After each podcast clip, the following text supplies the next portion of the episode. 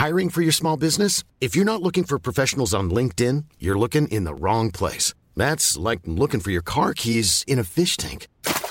LinkedIn helps you hire professionals you can't find anywhere else, even those who aren't actively searching for a new job but might be open to the perfect role. In a given month, over 70% of LinkedIn users don't even visit other leading job sites. So start looking in the right place. With LinkedIn, you can hire professionals like a professional. Post your free job on linkedin.com slash people today.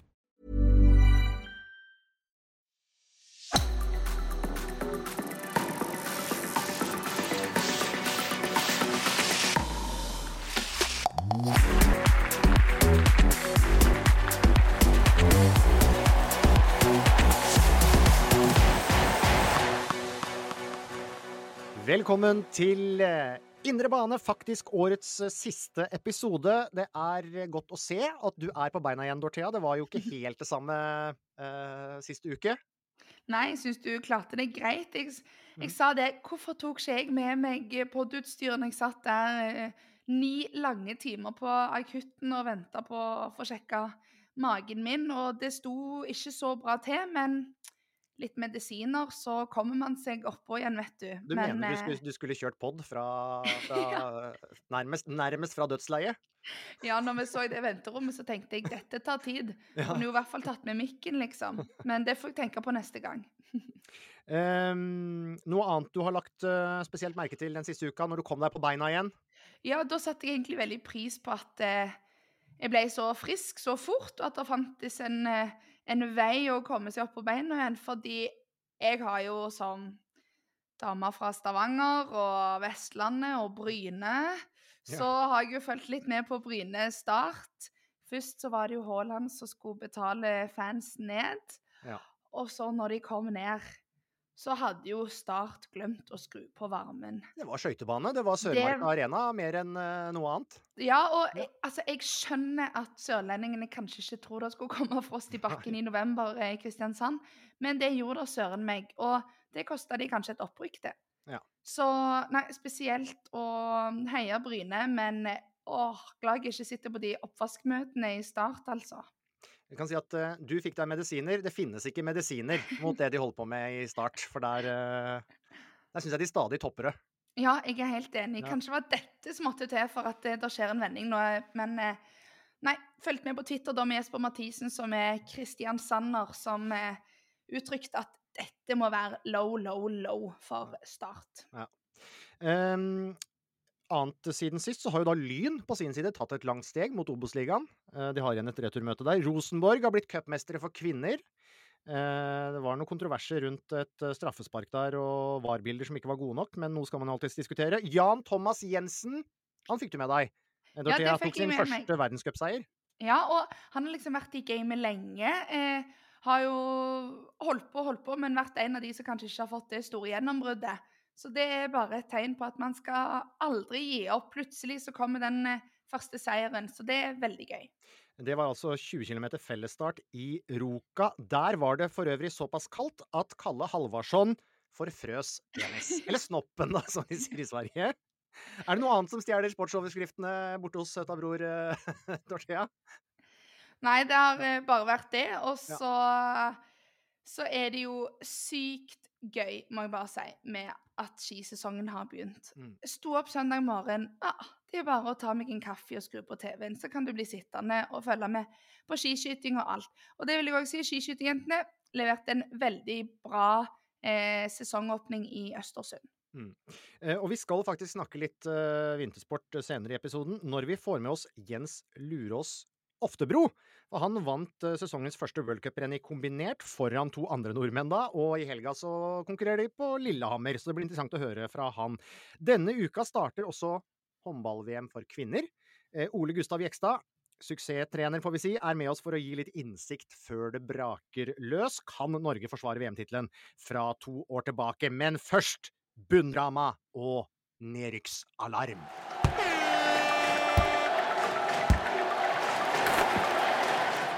Vi starter med fotball, og også i år blir det altså et nedrykksdrama i Eliteseriens siste runde. Med én serierunde igjen er altså fire lag som kan rykke direkte ned sammen med Ålesund.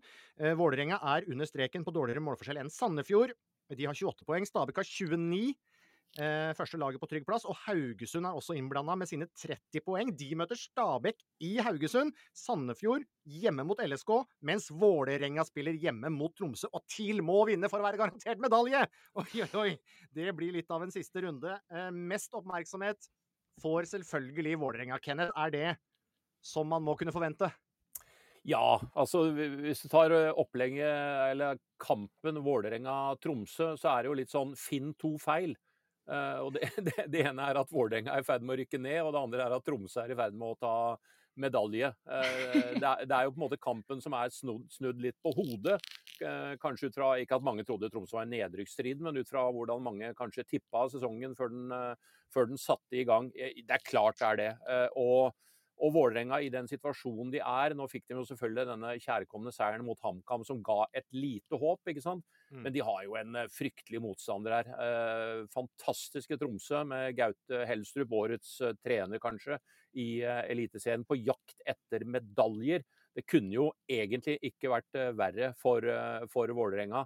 Eh, mot dette Tromsø-laget her. Eh, en neglebiter eh, til de grader med neglesprett i ti minus i Oslo på søndag. Det blir en gysare, altså. Ja, det er jo spådd styggkaldt rundt omkring også til helga, så vi får håpe at undervarmen er på både her og der. Men Vålerenga-spillerne og lederne de liker jo å snakke om at alle andre snakker så mye om Vålerenga. Eh, tenkte Dorthea, du som er Viking-supporter og Stavanger-jente, merker du at du bryr deg mer om Vålerenga enn de andre motstanderne til Viking i serien, eller er det bare noe, noe folk i Vålerenga tror? At den klubben betyr veldig mye for alle andre? Ja, jeg, jeg tror det. Eh, for meg så er det ikke så stor forskjell, men eh, jeg må si det at eh, Hvis vi snakker om oppmerksomhet på Vålerenga og i forhold til de andre, så har jeg nesten Jeg har ikke glemt ut at Viking fortsatt kan ta en medalje, men eh, mm. jeg har liksom glemt litt hva som skjer i toppen der, og ser nå Helge. det er jo bare tre poeng mellom andre og fjerde. Så det har jo vært ekstremt mye. altså det er bilder av Strandberg inn i nettaviser hver eneste dag. Eh, så for å si det sånn, det er ikke det at vi snakker om Vålerenga, men de er jo overalt, og da blir det jo en snakkis. Men jeg eh, må si, gleder meg litt til den siste serierunden er ferdig nå, for nå vil jeg bare vite sånn, holder de seg eller ikke. Ja. Så sykt om det hadde blitt da Obos med eventuelt Lyn og Vålerenga. Ja, det kan det jo fort, eh, fort bli. Lyn har et kjempeutgangspunkt i hvert fall eh, til å gå opp nå. Men har, har Vålerenga eh, fansen, lederne, trenerne, spillerne et poeng, eh, Kenneth, at det er noe ekstra, det er noe eget å være en del av den eh, klubben? Ja, altså for, fordi det er eh, eneste hovedstadsklubben stort sett i Eliteserien, så har de jo et poeng. Men jeg føler at det der blir litt sånn feil fokus og litt å henge igjen i fortida, det òg. For det, mm. altså, det er konstant underpresterende Vålerenga. Det er konstant en ny tid. Så kommer Rekdal tilbake, så er Deila der, så er Fagermo der. Det er, liksom, det er restart på restart på restart på restart. Og så må man på en måte så er man konstant underpresterende, og så må man liksom gjøre et eller annet for å holde på en måte myten uh, rundt uh, Vålerenga oppe. Jeg, jeg, føler at det blir litt sånn, ja. Altså, nå, nå må, man, må, man, rett og slett få jorda seg. Og jeg, og, og, jeg, og jeg tror kanskje ja, ja, nå, nå, er det jo en ny start igjen, da, ikke sant? med Kjetil Siem som styreleder, Svein Graff inn på ledersida, Geir Bakke inn som, eh, som eh, trener. Nå, må man liksom rett og slett roe seg ned og ha en ordentlig eh, fundamentert altså ikke, det, det, Dette kan ikke være det kan ikke være en grunnmur på Leka-blokker hvert år. Nå må man få, få dette fundamentet ordentlig i stand, og så må Vålerenga bli en slagkraftig klubb igjen, så slipper man å prate om at alle er så interessert interesserte i dem, og alle er så opptatt av dem. Man må vise det i praksis. Mm. Uh, og det, og det, det, blir, det, blir, beintøft, tror jeg. Altså, mot som sagt et Tromsø-lag som uh, har vunnet fire av de fem siste kampene. Har hatt en fantastisk sesong, selvfølgelig har en enorm motivasjon for å komme seg ut i uh, Europa. Er vanskelige å spille mot. Det er en ordentlig ekkel motstander for uh, Vålerenga. Mm. For det, det, er jo litt som du sier, Kenneth, at nesten uansett hvem som mislykkes i Vålerenga, eh, og det er ganske mange etter hvert, eh, så syns jeg det går igjen at alle snakker om at det er noe feil med kulturen.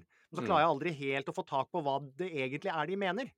med det? Nei, nei, nei, det, nei, det gjør man ikke. Det er jeg helt enig i. Altså, man, man, man, snakker om noe feil med kulturen, at det er så voldsomt eh, press her. Ja, det kan godt hende det er det, men det er, det er kanskje en klubb hvor for mange har fått mene et eller annet kontinuerlig. At det er det som gjør at det blir så vanskelig. Altså, at det, det, det største kaos og største presset virker nesten som det kommer innantefra i, i Vålerenga, øh, og ikke fra omgivelsene. For det er dessverre for Vålerenga rundt omkring i Fotball-Norge ikke så forbaska mange som bryr seg så veldig mye om dem, rett og slett. Fordi at de er et eh, underpresterende lag sesong etter sesong. Men de sier jo det er litt sånn fenomen med de storbyklubbene. I Sverige så har du jo hockeyen i Stockholm. De får det jo ikke til, for det er så mye engasjement, og, og de føler på så mye press. Så har du fotballen i Oslo, så det er jo ikke mye Oslo-klubber som leverer fotball på, på topp, topp nivå. Så det kommer jo litt med at folk bryr seg, og sånn er det når det er Det er jo liksom byens stolthet, og du ser med, med Vålerenga nå Vi har snakket om det tidligere i, i poden òg, at kanskje det er et nedrykk som må til. Eh, Viking snudde det litt når de hadde et, et nedrykk og, og, kom tilbake sterkere. Og det er vanskelig. Og Tromsø, som var nede og kom opp, så det er vanskelig å komme opp igjen òg. Altså, det er jo ikke for gitt at du ah, skal komme rett opp igjen og bli en sykt mye bedre versjon av, av hele organisasjonen. Men eh, ja, vi snakket om Start som kanskje det var den isen i banen som måtte til for at de skal ha et ordentlig møte, og at Vålerenga kanskje må ned i Obos før de Nå må vi bygge opp, sånn som du sier, Kenneth. Det bygge opp ordentlig fra grunnen av. Mm. Men det er jo synd at det er kanskje det som må til for en, en sånn en tradisjonsrik og stor klubb. Ja, og der er jo ikke minst Brann, eh, må man jo si, er et ja. eksempel til etterfølgelse nå. ikke sant? Hvordan de nullstilte rydda opp i organisasjonen når de, når de rykka ned. Eh, vellykka inn med Jimmy Nagel, dansk sportssjef Erik Hornland, har fått tid ikke sant, til, å, til å gjøre dette her til, eh, til sitt lag. For Brann har jo vært bra. Mm. uh, om det er bra for Vålerenga å, havne ned, og, og, og det eneste eliteserieklubben fra Oslo er en breddeklubb, Uh, ære, ære være Koffa. Helt mm. fantastisk. Uh, det, det, gjenstår jo, det, gjenstår jo, å se, og, og jeg, jeg, tror det er stor fare for at de er i Obos kommende sesong. Jeg tror, tror i hvert fall det, Kenneth, at uansett hvem som rykker ned, uh, så er du veldig avhengig av å gå rett opp igjen. Ja. For det klarte Brann, det klarte Viking, det klarte Lillestrøm. Mens en klubb som Start ikke har klart det. Fredrikstad Klarte mm. det ikke, men nå er de oppe igjen etter en uh, ordentlig rundtur i, i skyggenes, uh, skyggenes, dal. Uh, så det er vel noe der også at det er, det er, mulig å bruke det som et sånt lite springbrett å snu, men du kan nesten ikke være nede i Obos mer enn en sesong. Nei, nei, helt enig, du kan ikke det. Altså, og, og, og, ender opp i den situasjonen at du går ned og klarer ikke å komme opp igjen, så kan du faktisk ende opp eh, flere år i ordentlig skyggenes dal. Altså. Mm. Så, så, så det, er, det, er, et eh, press i det å gå ned og sprette rett tilbake, som du sier, som de andre klubbene har, eh, har klart. Det betyr noe for økonomi, sponsorer og, og alt mulig sånt. Nå. Så du skal treffe med valgene, men, men der tror jeg tror jeg Vålerenga tross alt er heldig med at de har Geir Bakke som trener. Eh, han, eh, han vet hva, hva, hva, dette går ut på. Han er en solid eh, fotballmann. Men nei, med en himmel og hav. Det er, det er, mye bedre å holde plassen enn å rykke ned. Det, det er ikke noe å lure på. Eh, og, og, og, Stabæk og Sandefjord har jo ganske fersk erfaring med å, med å rykke ned. Eh, Haugesund har jo vært en mainstay i Eliteserien nå veldig, veldig lenge. Har eh, kanskje over flere sesonger hatt en litt nedadgående eh, kurve, får vi si, da. Eh, så kanskje er det litt uunngåelig at de nå, nå, er der igjen at det brenner eh, et blått lys i aller siste runde. Men de kan i hvert fall avgjøre det selv, eh, Kenneth, eh, hjemme mot Stabæk. Og det er nå, alltid en fordel. Hvordan, hvordan ser du for deg scenarioene kan utspille seg her nå på søndag? Ja, den kampen er jeg fryktelig, fryktelig fryktelig usikker på. Altså, det er klart at, at eh, Stabæk har jo selvfølgelig heva seg enormt etter at Bob Bradley og med sønn uh, kom inn på treningssida der. Han er en fantastisk dyktig fotballmann, amerikaneren. Han er altså så god til å organisere lag, forhold til motstander, alt dette der. De har blitt ekstremt vanskelige å slå. Uh, I hvert fall i Stabæk 2023 uh, sammenheng så, så, kommer de jo på en måte dit litt, litt stappfulle av selvtillit, i hvert fall etter bare ett tap på, på sju kamper. Det blir et bikkjeslagsmål altså, av, en, av en annen verden. Det er Ja, jeg, kanskje Stabæk som en ørliten favoritt. Uh, og så tror man vel at det er en sånn kamp som får en avgjørelse, liksom. Altså de, de som jeg tror klarer seg, er Sandefjord. Uh, altså Lillestrøm er ferdig med sesongen. Altså Lillestrøm kommer ikke til å legge seg, men hvor mye kommer de til å legge i det? og hvor mye orker de på en måte å legge i det? Uh, det, det, er, det, er, liksom én ting der. Så jeg, jeg, tror det er Stabæk, Haugesund, Vålerenga. Altså som, som, som, ligger verst an her, eh, faktisk. Altså, og det er, det er, jo helt umulig. Altså, Vålerenga må jo vinne. De må vinne. Mm. Uh, og, det, og, det, er klart at Hvis det nå blir et stappfullt Intility, de klarer å skape et kolossalt trøkk der, liksom, så er det kanskje der muligheten ligger. For Tromsø er rett og slett et utrolig mye bedre fotballag enn Vålerenga. Og de jakter medalje. Mm. ikke sant? Jeg, jeg, holder faktisk Tromsø jeg, som en liten favoritt der, og da vet vi hvordan det går med Vålerenga. Eh, og, og, så går jo diskusjonen, da du er så vidt inne på det, diskusjonen går på Romerike òg. Eh, hva skal Lillestrøm gjøre? Eh, skal de blø på begge knea og gjøre alt de kan for å få tre poeng eh, mot Sandefjord, eller er ikke det så farlig? Men som du er inne på, ferdigspilt med sesongen. Eh, ja. Her, er det mange, her er det mye som nærmer seg konspirasjonsteorier ute og går. ja, gjett om det er, og gjett om dette diskuteres på, på Oslo øst og, og, på Romerike. Det er jo ikke noe tvil om det. Altså, jeg tror de er altfor profesjonelle og, som, og som sagt har altfor stor uh, stolthet i at de, de, kommer til å legge seg for eventuelt å få Vålerenga ned. Det, det, tror jeg ikke kommer til å skje. Men det er noe oppi huet ditt når du liksom Ja ja, OK, blir vi nummer fem, eller blir vi nummer seks, eller hva blir vi for noe, liksom? Det er ikke så forbaska farlig. Nå skal det bli innmari godt med en ferie. Altså, du, du er litt der mentalt, ikke sant. Uh, og, og, et Sandefjord-lag som igjen da, er vant til dette her, og kjemper uh, for tilværelsen rett og slett på, på øverste nivå. Nei, der tror jeg den Ja, jeg skal ikke gjøre noe dumme veddemål her, men den tror jeg, den, den tror jeg Sandefjord vinner. Ja, det er jo sånn som du sier med men Lillestrøm det er vanskelig Altså, de er profesjonelle toppidrettsutøvere, og det er lett å si ja, vi skal ikke legge så mye i det. Og uansett hvor mye du vil, så når du ikke har den skikkelig driven fordi du ikke har noe å spille for, så er det jo vanskelig å få ut det beste. Og nå Stabæk, altså Siden første uken i september så er det jo Brann, Tromsø og Bodø som har slått de. Så mm. de er jo eh, ja, Snakk om det òg, den vendingen de har hatt, egentlig. Selv om de er nå i et nedrykksdrama, så er det jo en vanvittig positiv eh, sving og altså en positiv høst. Så egentlig så er det jo ja, kult om de holder seg eh, i og med at ja, det ser jo litt lysere ut der enn det kanskje har sett ut på, på veldig lenge. Og Sandefjord er jo de har spilt disse litt sånn angstfulle kampene i bånn ganske mye, egentlig. Mm.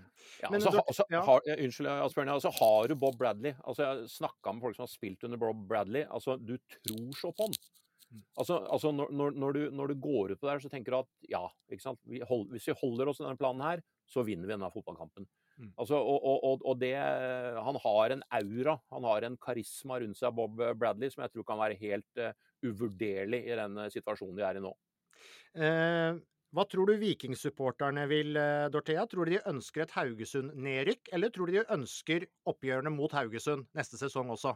Jeg tror de ønsker oppgjørene mot Haugesund. Men jeg tror før denne sesongen så tror jeg jeg hadde kanskje sagt at de vil være litt sånn konger på Vestlandet sjøl. Eh, men det har skapt et sånt vanvittig engasjement. altså Det går jo disse gamle båtene går jo fra Stavanger og fyller med fans, og det har jo blitt et, eh, et, et kult sånn derbyoppgjør. Så jeg tror at Viking-fansen er veldig keen på å ha Haugesund mm. fortsatt eh, oppe i Eliteserien. Det var vel som eh, Lennart Johansson, tidligere Uefa-presidenten. Han var jo AIK-mann, men han sa vel om Hammarby og Djurgården at uh, med skal de hva, men stryk skal de ha. Uh, så, så, det er jo ikke noe som er deiligere enn å vinne de der interne oppgjørene. Så får vi se om det blir Vålerenga mot Lillestrøm-Derby neste sesong, eller om det kanskje plutselig blir Vålerenga-Lyn, eller hva det måtte bli. Det blir i hvert fall en utrolig spennende siste runde. Og så skal vi ikke glemme, da, som dere var så vidt inne på, at det også kjempes om, om medaljene bak, bak Bodø-Glimt. Så veldig mye å følge med på. Det er da søndag klokka 17 går eh, alle de kampene. Eh, takk skal du ha, Kenneth, for at du var med. Bare hyggelig. Som alltid.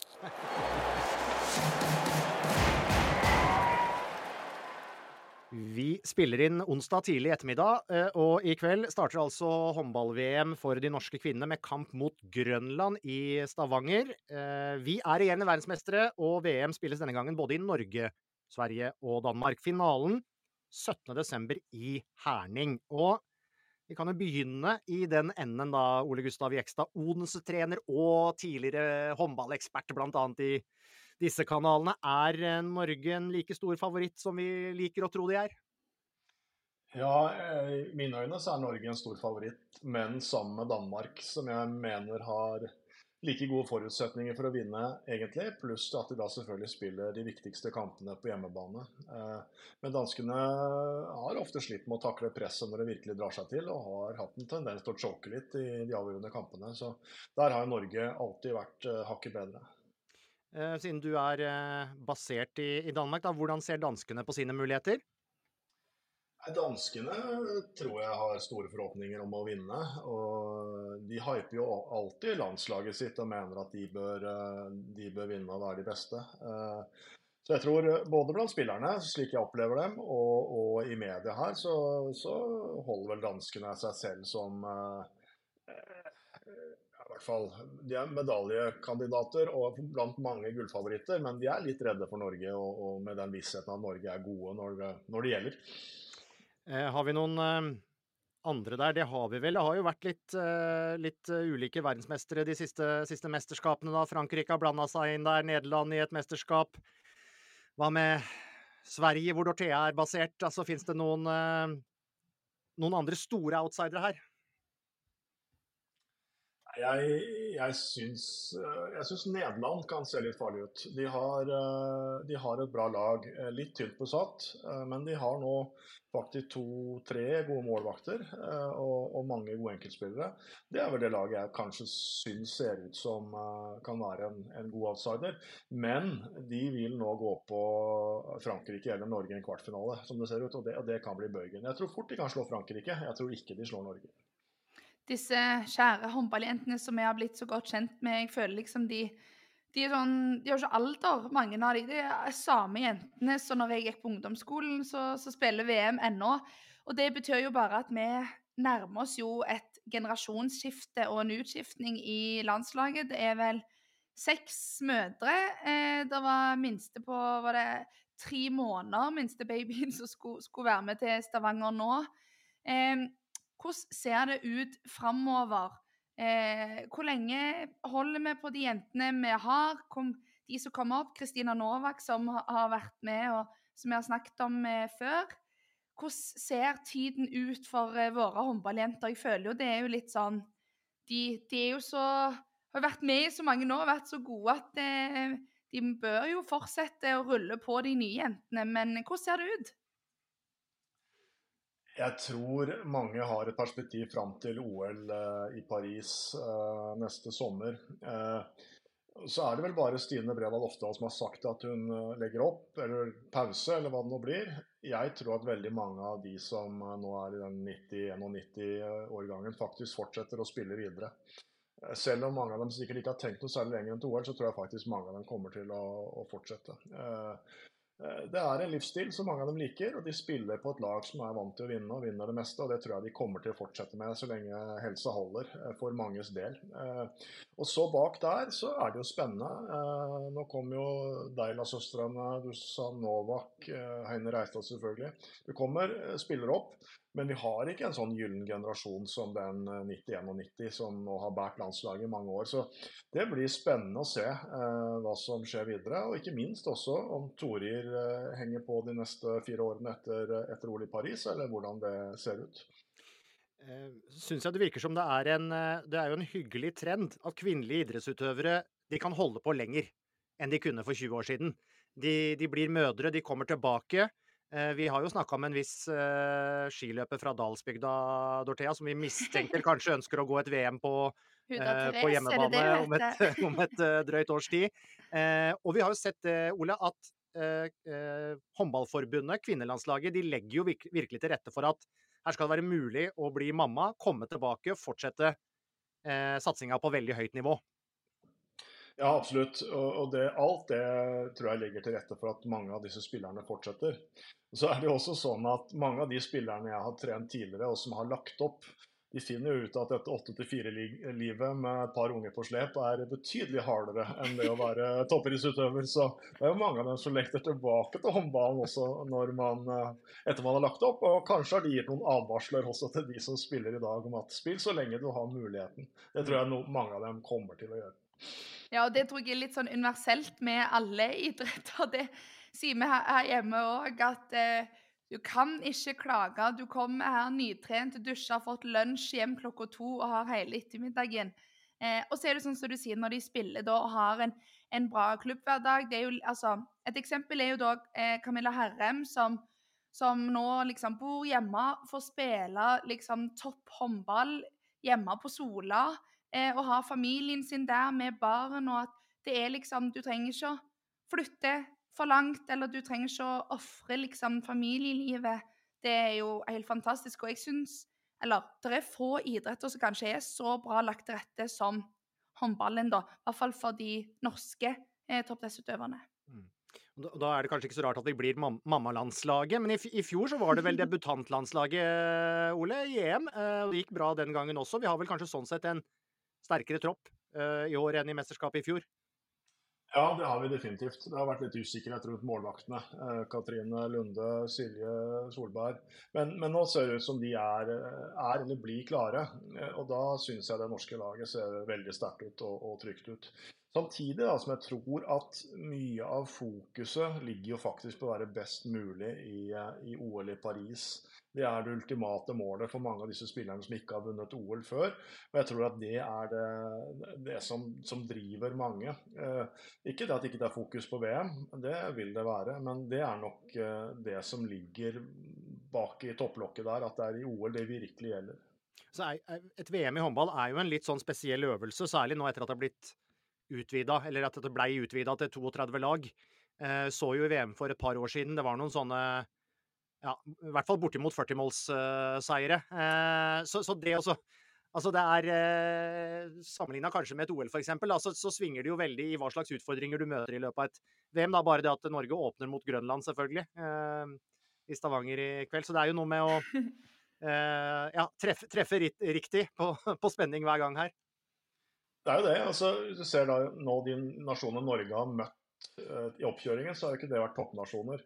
Så starter man nå mot Grønland. Eh, jeg har akkurat sendt en tekstmelding til Tore Heigarsson og bedt ham ta med seg noen gode fisketips om, om fiskevann på Grønland. Tenker, tenker jeg Det er det beste han kan få ut av det i kveld.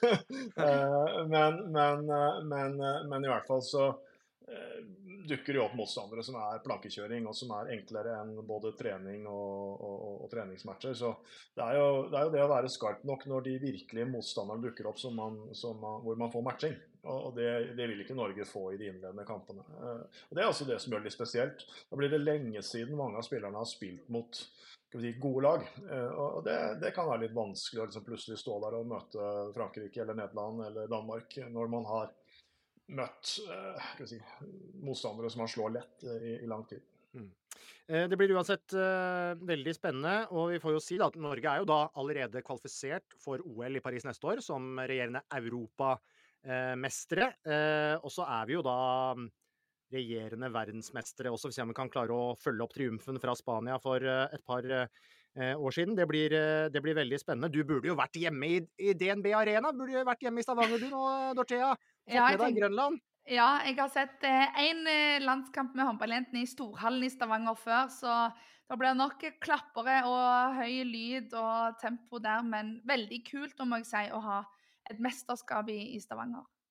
Eh, absolutt. Eh, jeg tror vi runder av håndballpraten for denne gangen eh, der. Og så sier vi heia til eh, håndballjentene. Eh, og direkte fra Odense. Takk for at du var med, Ole. Hyggelig. Cool fact a crocodile can't stick out its tongue. Also, you can get health insurance for a month or just under a year in some states. United Healthcare short term insurance plans, underwritten by Golden Rule Insurance Company, offer flexible, budget friendly coverage for you. Learn more at uh1.com. I'm Sandra and I'm just the professional your small business was looking for. But you didn't hire me because you didn't use LinkedIn jobs. LinkedIn has professionals you can't find anywhere else, including those who aren't actively looking for a new job but might be open to the perfect role, like me. In a given month, over 70% of LinkedIn users don't visit other leading job sites. So if you're not looking on LinkedIn, you'll miss out on great candidates like Sandra. Start hiring professionals like a professional. Post your free job on linkedin.com/people today. There's never been a faster or easier way to start your weight loss journey than with PlushCare. PlushCare accepts most insurance plans and gives you online access to board-certified physicians who can prescribe FDA-approved weight loss medications like Wigovi and Zepbound for those who qualify. Take charge of your health and speak with a board-certified physician about a weight loss plan that's right for you. Get started today at plushcare.com slash weight loss. That's plushcare.com slash weight loss. plushcare.com slash weight loss.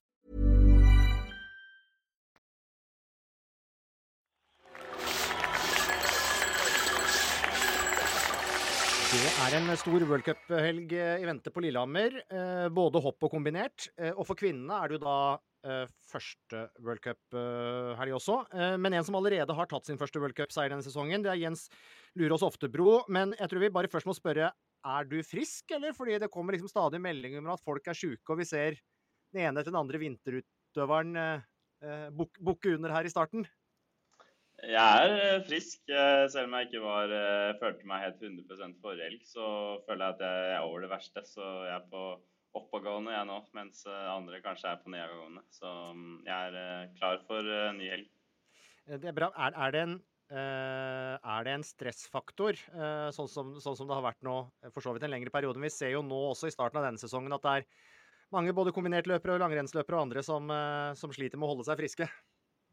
Absolutt. Det er jo alltid mye stress i den eh, sesongåpningen. Det, det er mye nye ting som på utstyrfronten, og du skal være fintuna eh, kroppslig. Og det er mye reising fram og tilbake, og spesielt mye forkjølelsessymptomer eh, blant liksom, folk generelt. Da. Så Mm. det er eh, stor risiko for å bli syk. Så vi, er, eh, vi prøver å være så nøye vi kan for å unngå det. En, en annen ting som kanskje kan være en stressfaktor for enkelte, det er eksamen. Eh, Du kom rett fra fem timers eksamen nå. Hvordan gikk det? Jo, det gikk eh, greit. Eh, Jeg har eh, fokusert mest på idrettsbanen de siste ukene, så det kunne ikke gått sånn superbra uansett. Men jeg følte jeg fikk ned i hvert fall det jeg kunne. Og så kunne jeg gjerne kanskje ha lest litt til, men jeg tror jeg skal være godt fornøyd. Men hva, hva er det du studerer?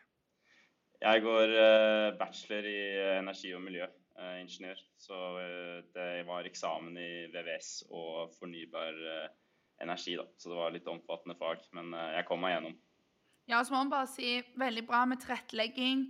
Jeg synes det Vi snakket, vi snakket tidligere òg om eh, håndballen. At du kan eh, få barn å spille mesterskap, og at du kan være eh, toppidrettsutøver og vinne verdenscup og få lov til å være student hjemme i Norge. Så det er jo veldig kult at vi har kommet så langt. Du har kanskje aldri, kanskje aldri vært i tvil om at uh, du ville studere litt ved siden av? Nei, eh, det er jo det er vanskelig å leve av kombinert. Så, eh, og de har nok tid til å kunne ta noen fag i, i halvåret. Så jeg studerer ikke fullt. Så det, den balansegangen der har jeg egentlig funnet eh, som er egentlig veldig grei. Så da kan jeg få hodet over på andre ting når det går litt dårlig på idrettsbanen. Og plutselig får man en skade, og da kan man legge inn litt ekstra på, på skolen. Så jeg syns egentlig det fungerer veldig fint. Og så studerer jeg det samme som broren min, som også driver med kombinert og er, er god, så vi, vi kan hjelpe hverandre litt. Så det, det hjelper. Men han har jo eh, bare ta det, han har kanskje litt mer tid til studier nå enn det han hadde håpa på? For han har vel eh, pådratt seg en alvorlig skade?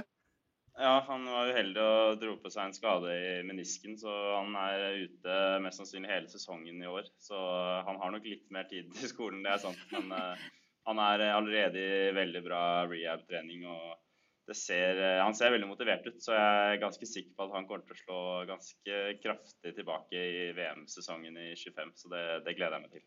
Du får få litt notater av han da, være sånn åh, siden jeg liksom eh, var i World Cup i helga, har du noen notater til den eksamen? Ja, ja, det er fint å være brødre sånn, så da kan vi dele litt på det. Så noen ganger drar jeg lasset, og andre ganger drar han lasset. Så Det er bra. vi, vi samarbeider godt. Eh, du, du, ble jo historisk da, da du vant uh, det første kompaktrennet i worldcupen i Ruka. Uh, årets første renn. Um, hva syns du egentlig om den nye øvelsen? Det har vært litt sånn delte signaler fra, fra den norske leiren på hva man egentlig syns, syns, om det. Nå gikk det jo veldig bra, da. Men... Ja. Uh, nei, det er jo et veldig spesielt format med at du på en måte tar bort de reelle avstandene for å tette det inn. Jeg kan være veldig for at vi kan ha konkurranse hvor det er tettere mellom utøverne. Det gjør det mer spennende, og det gjør det mer spennende for ja, spesielt TV-seerne som skal se på. Da har du liksom den spurten inn mot mål stort sett hver gang. Problemet her er jo at her kan du faktisk miste et minutt, da, mens andre, andre ganger så er det bare fem sekunder forskjell. Så det er, liksom, det er, det er veldig uforutsigbart. så jeg er nok ikke helt enig i at det er riktig strategi hvordan de gjør det mer spennende, men uh, det er jo i hvert fall et forsøk da, for å kanskje fornye kombinert. Men uh, man må bare passe på at uh, man ikke Eller at det fortsatt er kombinert. Da. At ikke man kan komme som langrennsløper og hevde seg kombinert. Det, det, blir feil. Men det er som du sier, du vil jo sikkert du vil oftere få massespurter på oppløpet. Det vil være flere som er med i seierskampen. Det har jo vært Det er jo tatt flere grep, ikke sant. Nå har vi, du har fellesstart, du har de ulike lagkonkurransene. Så har jo skjedd ganske mye med kombinertsporten. Eh, kanskje bare siden du første gangen. Så er det jo en, det er jo en sport som er litt i utvikling for å holde på, holde på interessen, selvfølgelig, da. Absolutt. Det er, jo, det er jo viktig Vi er jo litt i underholdningsbransjen, vi idrettsutøvere. Så det er jo viktig at det er spennende å se på at de som ser på, har det moro. Eh, og det har vært flere eksempler hvor vi har truffet veldig på underholdningsverdien, mens andre ganger så har det vært veldig stor avstand mellom løperne. og Da er det liksom ikke like spennende å se på. Så det er jo, det er jo tiltak fra FIS for å, for å gjøre noe med, med, idretten vår. Da. Så, sånn sett så hyller jeg jo det. Men uh, det finnes jo kanskje andre måter å gjøre det på da, for å gjøre det litt mer fair da, for oss utøvere. Noe av, det, noe av, det, mest eh, underholdende i hele OL i Beijing, selv om det var tradisjonelle kombinert-konkurranser, så var det jo de to individuelle konkurransene der. For der skjedde jo så ekstremt mye på bare de siste 150-200 meterne. Du var jo involvert i det sjøl, så da var det jo eh, det, det, var jo på en måte kanskje maksimal TV-underholdning, faktisk. Selv med litt sånn de tradisjonelle konkurranseformatene, da. Absolutt. Det er jo når, vi får den, når man får den jakten hele veien inn til mål, da, hvor det, du faktisk kanskje har noen som er litt svakere på ski som starter først, og så har du de litt sterkere på ski bak, og så samles det inn i en spurt, da, som vi traff bra på i Beijing, sånn sett for, for min og Jørgen sin del i hvert fall. Så da blir det jo utrolig spennende å se på. Men så er det ikke sånn at de skal hindre en type som eh, Jarl eh, Riiber eller Gyda Vestfold Hansen, som hopper ekstremt bra. De er utrolig gode utøvere, og da skal de få lov til å vinne på en vanlig måte. Selv om det kanskje gjør eh, produktet litt, eh, litt mindre underholdent. Ja, så er det litt sånn som så du sier, det er litt samme prat som vi har hatt i, med skiskyting. At det er langrennsutøvere som har gått over til, til skiskyting og er sykt gode på, på ski. Eh, og så er det sånn som du sier, at du ikke skal ja, kunne være en langrennsutøver og, og hevde deg. At du, du, må være såpass komplett, og du liksom ikke skal bli straffa da for at ja, det er kanskje hoppingen som har vært det sterke, sterke mm, liksom trekket. Så mm. en veldig sånn fin balanse. er Sånn, jeg er helt enig med at Skjønner det for underholdningen, men fortsatt at eh, ja, det holder litt på idretten og spesialiteten med, med kombinert. At det ikke bare handler om langrenn og gå fort på ski. Mm. Absolutt. Nå, dere, altså norske kombinertlandslaget både for kvinner og menn er jo fantastisk uh, sterkt. Uh, litt spesielt at dere nesten er avhengig av at utlendingene gjør det bra innimellom. Eh, for å holde litt ekstra på, på spenning. Og, ja, det er luksus. Altså, dere, start, dere, starter jo med å tapetsere første dagen i, i Ruka.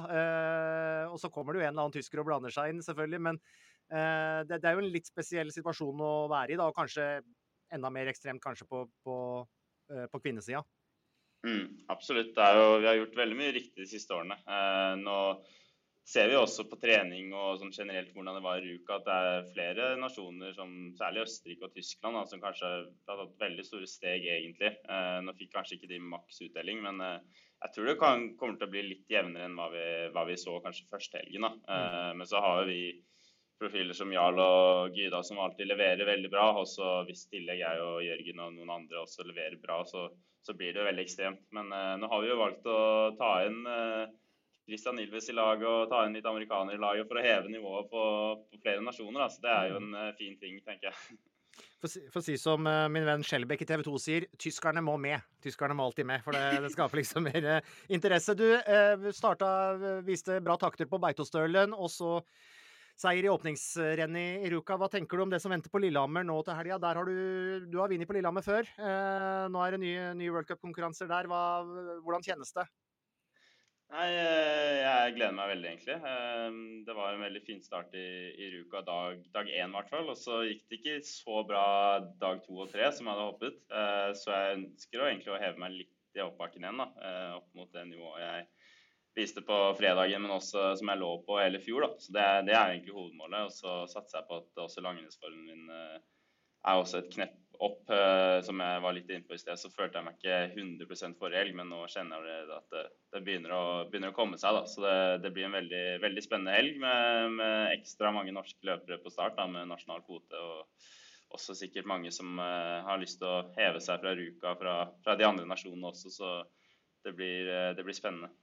Akkurat det med hoppform er jo liksom både for spesialhoppere og kombinertløpere, så er det jo av og til litt mystisk. Og, og, når det er noe som er så teknisk, eh, og på en måte kan variere, variere såpass mye, da, hvordan, hvordan, jobber du fra uke til uke når du følte at du ikke traff så bra i hoppbakken eh, lørdag og søndag i Ruka som det du kanskje hadde ønska deg? Ja, det er, jo, det er, jo, veldig teknisk, og bare en litt annen følelse i kroppen endrer veldig mye. da, For det er jo veldig sånn feeling-basert, og det er veldig lite som skal til. da. Eh, så hvis jeg f.eks. nå, da, som jeg kanskje brente meg litt fast i et spor på slutten av helgen, så må jeg heller på en måte overdrive en annen teknisk arbeidsoppgave da, for å komme meg ut av det sporet og så bygge på ny. Eh, så jeg har ikke fått hoppet noe denne uka. da, Det er flere som har gjort det, men jeg har prioritert eksamen. Eh, og så, så jeg har egentlig jobba litt mer teknisk inne og allerede gjort en endring der. da, så, så jeg gleder meg til å få testa ut den i, i i hoppbakken også. For det er jo det er alltid litt forskjell fra å gjøre det tekniske inne på, på rullebrett enn uh, å faktisk gjøre det i hoppbakken. Men uh, det er også fordelen med at det snur fort. Det er jo altså det kan gå dårlig fort. Det er jo altså at det kan gå bra fort. Da. Så det, det, er ikke så mye som skal til. og jeg dro med meg en del selvtillit fra, fra Ruka, selv om jeg gjerne skulle prestert litt bedre de siste to dagene. Så, så, jeg har bra selvtillit, så jeg gleder meg egentlig bare til å få vist det, eh, det nivået jeg egentlig er på.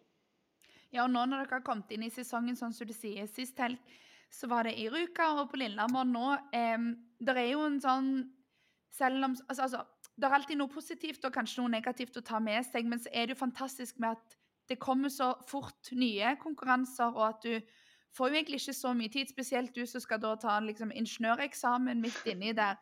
Eh, men ser du på det som, som positivt og en fordel med at det kommer liksom alltid nye sjanser Eh, og det er jo ikke så mye endringer du kanskje får gjort uansett, eh, liksom, bare på en liten uke. Ja, jeg syns jo det, det, er jo litt blanda. Hvis man sliter veldig, så er det jo alltid greit å kanskje ha to-tre uker til å kunne få trent litt. Eh, mens som jeg har egentlig Jeg har prestert egentlig ganske godt siste årene, og da har det vært ganske slag i slag. Og da har liksom prøvd å holde det veldig enkelt. Da, gjort det enkelt for meg selv og har liksom ofte kommet litt inn i den rennrutinen. Liksom at det er ikke så mye som skal til mellom helgene, bare opprettholde liksom samme nivå. da. Eh, og jeg syns egentlig det har fungert veldig greit. Men eh, det er jo noen naturlige pauser rundt jula og litt sånn, og der ser jeg innimellom at eh, med en tre uker pause, så, så, er det litt annerledes å komme i gang. Da At eh, da man liksom venter seg litt til treningsmodus, og så plutselig kommer rennmodus, og der er du ikke helt ennå. Da må du kanskje ha noen helger på rad da, før du liksom føler at det løsner helt. Så, så jeg syns egentlig det er fint at det går slag i slag. Jeg skulle gjerne hatt enda flere renn enn det vi, det vi har denne sesongen, egentlig. Mm. Eh, og, og, apropos det og sånn avslutningsvis, når det er en mellomsesong, hva, altså ikke noe, ikke noe, VM, ikke noe OL den sesongen her, hva, hva, hva blir høydepunktet da? Nei, det, det, er jo kanskje ingen sånn veldig sånn enkelthøydepunkter. Eh, men eh, gjøre det jevnt godt i verdenscup er jo målet. Eh, og det å allerede ha en seier er jo veldig gøy. Og kunne kanskje kjempe om flere seier. Og hvis jeg hadde fått inn noen flere verdenscupseiere i år, hadde det vært utrolig gøy. Og så er det jo selvfølgelig topp tre i verdenscupen sammenlagt som på en måte også er et mål. Eh, men eh, det, er også nytt poengsystem i år som gjør at eh, man blir veldig sårbar hvis man står over noen helger eller hvis man plutselig er syk. Da. Mm. Så, så, hvis det skjer, så blir det heller å fokusere på hver helg og gjøre det beste ut av det. Men jeg, var, jeg, gjorde det bra i verdenscupen i fjor sammenlagt, så jeg har sånn sett ikke noe sånn føler at det er så mye press at jeg må gjøre det igjen i år. Men det hadde selvfølgelig vært kult å ha holdt, holdt pallen i sammendraget. Jens Lurås Oftebro, vi krysser fingrene for det. At du holder deg frisk og får deltatt i hvert eneste renn, og at det blir Og bygger videre på den første seieren denne sesongen i, i World Cup. Gjerne allerede på Lillehammer i helga, kan vi bare si det sånn. Veldig bra. Etter en lang dag med eksamen nå, takk skal du ha for at du var med. Takk for at du fikk være med.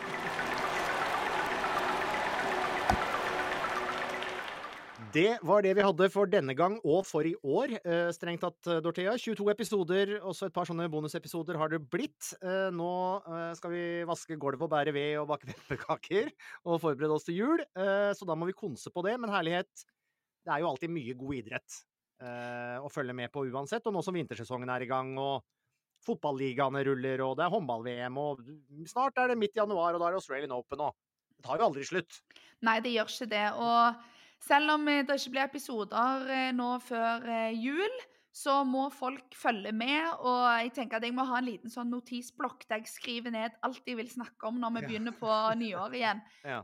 For det er mye som skjer nå, både med vintersesongen, sportene og sesongen som er i gang, men òg er jo gøy når det er litt sånn avsluttende siste serierunde på fotball. Oi, oi, oi. For et drama det blir på søndag. Og så eh, har det jo vært veldig mange fine gjester innom her i løpet av året, syns jeg. Mange fine, mange fine prater. Ja, jeg er helt ja. enig. Jeg har lært mye av alle vi har hatt, og fått litt øyne opp for litt sånn mindre idretter òg, som kanskje vi ikke får på prime time på, på TV. Så nei, en veldig deilig miks, vil jeg si. Og så mange fantastiske folk som har sagt ja, og som har vært med. Vi er heldige med, Asbjørn. Ja, absolutt. Um, men med de ordene så runder vi av uh, i dag og i 2023. Uh, sørg for å følge med på eurosport.no for å holde deg oppdatert i idrettsverden. Og, og, har du ikke allerede et Discovery Pluss-abonnement, så sørg for å få deg det, for da har du tilgang til alt av Eurosports sport. så gjør endelig det. Um, ja. Det får være det for denne gang. Vi ses og høres snarlig. Og inntil videre så sier vi bare Snakkes og god jul. Snakkes og god jul, ja. God jul.